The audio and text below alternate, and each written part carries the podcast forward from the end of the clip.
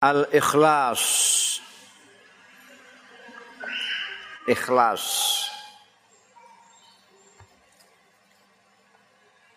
Al-amalu jismun ruhuhu al-ikhlas. Utawi ngamal iku jismun jisim awak jasad ruhuhu tai ruhe jisim ruhe amal iku al ikhlasu ikhlas. Nek ngamal kok ora ana ikhlase? Ya kaya jenazah batang ora ana ruhe.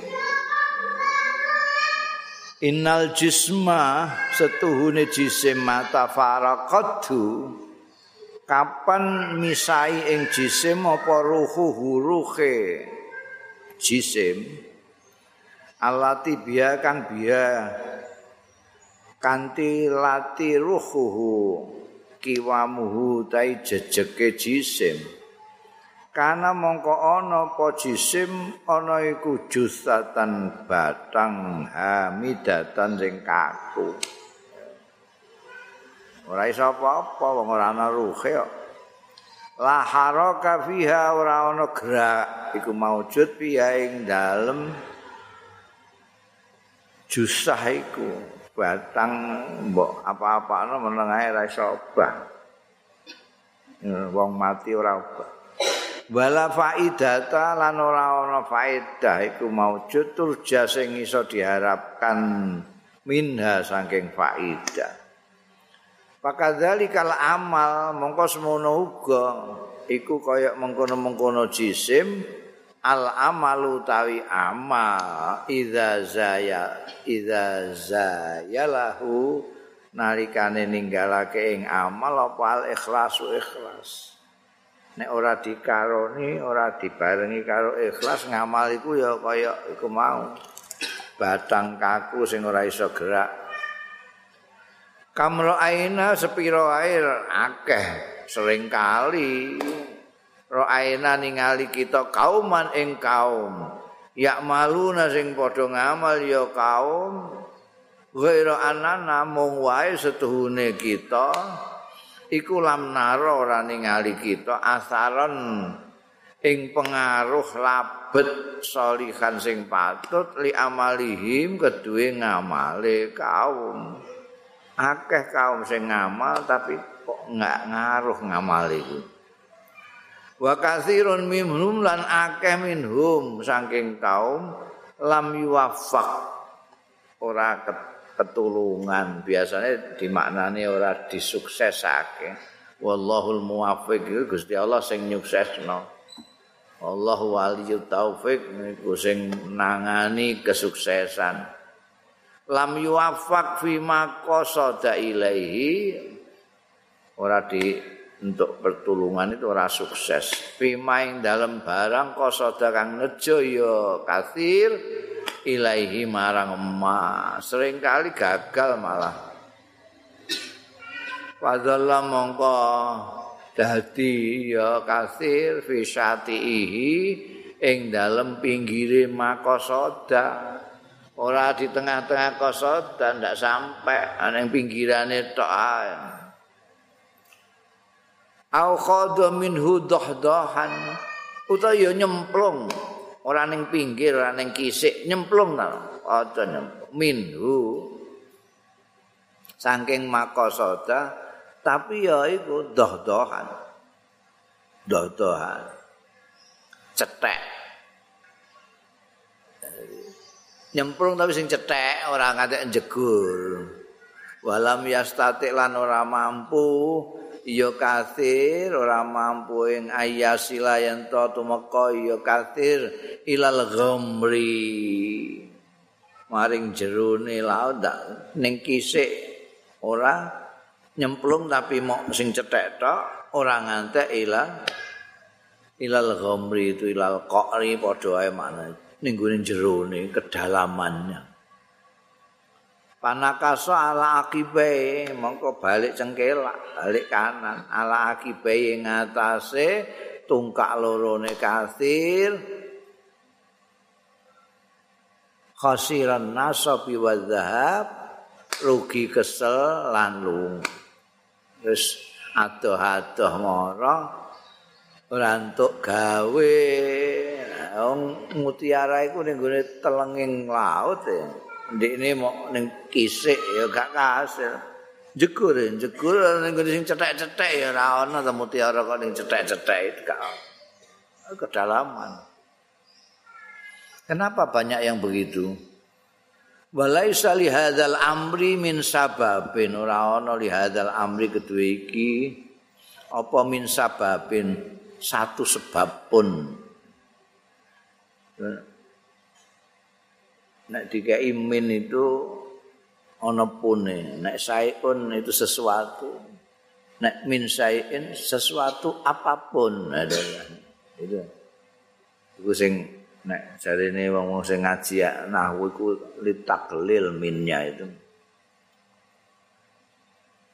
Ndak ada sebab apapun. Illa annal ikhlas. Jopo setune ikhlas iku lam yakun ora ana ikhlas ora ana iku raida hadil fiati sing dadi petunjuk gaite iki kelompok Orang yang tidak berhasil tadi itu karena tidak dipimpin oleh keikhlasan. Liannaha lam takmal karena setuhune fi ahadil fi iku lam takmal orang ngamalake ya fi illa li jari magnamin. Kejaba krana arep narik entuk-entukan magnam itu eh? Mazmumin sing tercela untuk materi mbah kedudukan mbah ora ikhlas aukas bisarofin mauhumin utawa golek kemuliaan sing maya mauhum itu enggak nyoto tidak nyata Wasiru tai rahasiane fidzalika ing dalem mengkono-mengkono kegagalane banyak orang tadi itu. Iku annama ya'mal. Setuhune wong ya'mal. Kenapa orang yang bekerja tidak ikhlas kok banyak yang gagal? Rahasiane piye? Rahasiane iku annaman ya'mal setuhune wong ya'mal sing ngamal yaman mukhlison hari ikhlas fi amalihi ing dalem ngamale man li ummatihi kanggo bangsane jadi ikhlas kanggo bangsane dia bekerja itu wa watonihi lan tanah aire man tahwi ilahi afidatun nas. Mongko condong ilaihi marang man yakmal mau apa afidatun nasi apa ati-atine wong. Wong terus seneng banget. Iki ana wong kok ikhlas ngene bekerja tidak untuk cari macam-macam enggak duwe pamrih namun untuk kepentingan umat dan tanah airnya wong seneng kabeh. Wa yakhutunahu lan mengelilingi ya nas hu ing man ya'mal mau bitasji'i wa tahbid kelawan penyemangatan wa tahbidi lan support. Oh, disupport dikepok ayo ayo dikai semangat terus mergo seneng wong-wong do seneng ndekne ngamale ikhlas kanggo bangsane lan tanah air. Au bil maunati wa tanfil. Utawa ora trima keploki, ora trima menyemangati, ora trima mensapot, tapi bil maunati kelawan bantuan wa tanfil dan pelaksanaan. Pun kula sing anu, kula sing golek ni, kula sing anu, oh, mergo ngerti nek iki wong ikhlas. Sing bantu pirang-pirang. Fayas dadu mongko tambah-tambah bidalika sebab mengkono-mengkono sapot lan bantuane wong-wong iku tambah-tambah apane himmatan kemauane wa nasaton lan aktivitase kegiatane wah tambah giat ini dibantu. Wa tanmu fihi ruhul jid lan berkembang fihi dalem mayamal. Apa ruhul jiddi? Apa ruh kesungguhan? Semangat kesungguhan. Wal musabarati alal amal la menabai uh, menabak dari kata-kata tabak wis di ora mundur blas lah. Musabarah itu ditrateni. Nah, musabarah alal amali nlateni musabarah traten alal amali ngatasi ngamal. Wah tambah semangat tambah berkembang itu semangat kemauannya itu. Mergo bantuannya orang banyak. Lah bantuannya orang banyak karena orang banyak tahu kalau dia ikhlas. Sebaliknya amma ya'mal ghaira mukhlisin. Ana dene wong ya'malu sing ngamal ya man ghaira mukhlisin kali ora ikhlas. Fa innahu mongko setuwune man mbah mergo pamrih apa lah ada kepentingan ini itu bentuk iki iku. Pak Inahu mongkostune man sing kaya ngono mau wa ing katama lan senajan delikna ya man mal ing barang yutmiru sing nyimpen ya man ing ma khinan ing dalam suwijining masa minat dari saking zaman. Dia bisa beberapa saat menyimpan pamrihnya itu. Tidak ikhlas nyimpen. Aku ikhlas kok. Tapi di dalam hatinya itu ada pamrih. Itu bisa disembunyikan sementara. Tapi la buddha ora kena ora ayang kasifayan tersingkap. Apa awaruhu apa celane man sesuk ketok wah kok terus gak semangat ngono? Kurang persenan iki konangan. Wa yaftadi dan kejoderan apa amruhu? Kejoderan itu asalnya didelik-delik no konangan wong. Itu kejoderan wa yaftadihu amruhu perkarane man Nek wis konangan fayan biru minhu. Mongko mlayu minhu saking man yamal sapa man wong kana kang ana ya man iki lahu marang man yamal ana iku muinan bantu. Sing asale bantu mlayu kabeh eh, jebule ana pamriye rumah saku kanggo kepentingan bersama. Ternyata ada udang di balik batu wis wis Melayu cengkelak ora sida bantu. Wa yuhmiluhu man saja'ahu lan ngumbarke ing man ya'mal sapa man wong saja'ahu sing asale nyapot sing asale nyemangati ya maniki hu ing man ya'mal mau. Wa habbaza lan ya nganggep apik ya maniki amalau ing amale mayakmal mau. Wa bidzalika kan kanthi ngono bareng wis konangan kabeh. Ya tatu fuhimatuhu mongko melemah apa himatu kemauane man yakmal ka ana sing nyemangati ka ana sing bantu ya wis leren-leren wa tafturulan kendu apa azimatu tekate eman wis nglokro. Payadau mongko tinggal ya man yakmal ninggalake ma barang kana kang ana ya man yakmal iku yakmaluhu ngamalake ya manhu ing ma mutarron secara terpaksa. Untuk ing lakoni mau ya terpaksa kok mergo anane pamrih. Bareng konangan terus gak ana sing bantu gak ana sing dukung. Ya lemes dek wa takunu lan ana apa akibatu amrihi akibate perkarane man yakmal iku khosaratal madati wal adab kerugian materi wal adabilan moral material dan moral rugi. Wong dia ngetokno tenaga energi kadang-kadang malah apa materi bareng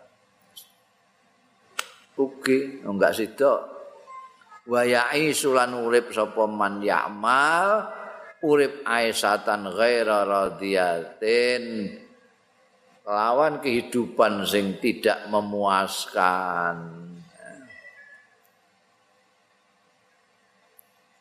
Iku perbedaannya antara sing ikhlas dan ora ikhlas. Kenapa yang ikhlas berhasil, yang tidak ikhlas tidak berhasil?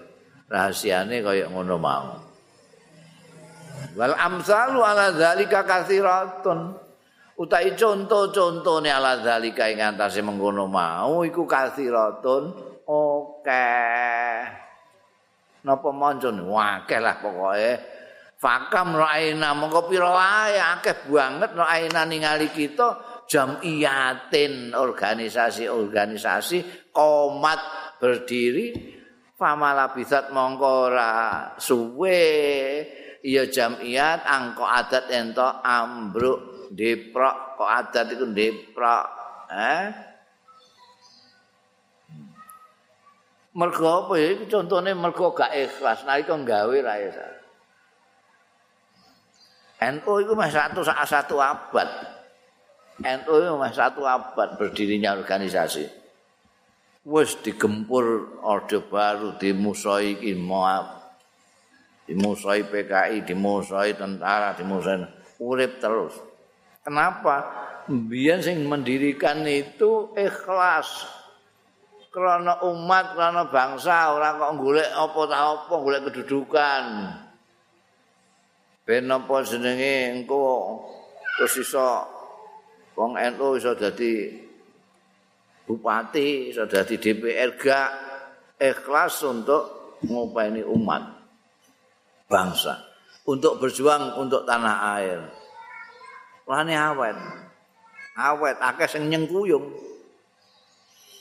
Ana sing ecek-ecek gawe sedelok muncul wah ana slogane ana spanduke ana iklane ana pamplete telah berdiri organisasi ini sesuk wis gak ana kabare ning ndi ku eh. Pengurusnya melayu kabeh mergo sing dialap ora ana pamriye materi ora untuk materi ya wis leren. Banyak organisasi baru tumbuh ambruk. Wakam syahadna lan pira wae akeh nyekseni kita masruatin. Eh pro proyek-proyek nahadat program-program ya nahadat sing ngadeg ya masruat fama makasat mongko ora suwe ansakatat yen gugur ya masruat wah rencana bikin ini, bikin itu, bikin itu. Wong-wong asal ya gak ngerti wah iki HP iki. Bareng sesuk konangan iki ada-adane sing mendirikan tok iku. Es tinggal lunga wong-wong ambruk. Banyak sekali. Wa tidadu hadhil hawadis jumlah iki iki kedadean organisasi lagi ngadeg ambruk. ana rencana-rencana pembangunan macam-macam gak suwe jumlah iki ku yahtaju ila safahat butuhake ya. Butuhake potik dadu hadil hawadis ila safahatin maring lembaran pirang-pirang. Kok kon ngai contoh sitok-sitok itu kan tek lembaran iki kok tek sitok mau idah itu nasiin. Layat tasi ora cukup. Lah kanggo sofahat iku apa sadru hadil idzat apa jerone iki? Idzat nasihat-nasihat iki terus malah tersingkir nek ibu. Mbok kon nyebutno contoh-contone eh? Tindakan ngamal-ngamal sing ora ikhlas itu yang ora iso urip itu. Fakun mongko ana sira ayuhan nasik wae pemuda yang baru tumbuh ana sira mukhlison sing ikhlas. Fi amalika ing dalem amalira tablugh mongko mencapai sira aksa amalika ing puncake cita-cita ira. Kowe cita-cita apa? Puncak cita-citamu apa? Angger kowe nyekeli keikhlasan insyaallah kowe mencapai tujuan. Wahdar antabi al wujdan. Hati-hati kowe wahdar, hati-hati. Waspada aja ngantek antabi yen to ngedol sira al wujdana ing hati nurani bil asfari renan kelawan kuning-kuning sing kemerincing maknane duit recehan. Ingin nyek duit recehan. Jangan kamu menjual hati nurani dengan recehan. Bayar, uh, bayar. Sithik-sithik wani pira, sithik-sithik wani pira. Hati-hati ya, jangan ngantek. Nuranimu harus kamu jaga. Ini untuk kepentingan umat, untuk kepentingan bangsa, untuk kepentingan negara, apa kepentingan awakmu dhewe. Kok dimingi-mingi amplop ngono ae terus ngledek. Hati-hati, jangan kamu jual hati nuranimu bila asfari ronna. Karena fadhalika mongko utahi mengkono-mengkono. Adol nurani dengan recehan iku dakbul munafikin, iku karaktere wong-wong munafik. Alladzina yastabdiluna Reng padha ngijolake ya alladzina dunya ing donya bidini kelawan agama. eh agama tinggu golek dunya wa dolala bil yakin kesesatan didol dijolno bil yakin. Keyakinane didol. Sasar kaya wa uidzu kal billah. Lan nyuwunake pangreksan sapa ingsun ing sira billahi kelawan Gusti Allah nyuwunake pangreksa ain la takuna ing yen ta ora ana sira. Ora ana iku minal mukhlasin mukhlisin termasuk golongane wong mong mudah-mudahan kowe didongakno mudah-mudahan kamu itu tidak menjadi orang yang tidak mukhlis tidak ikhlas. Wae dadi wong sing ikhlas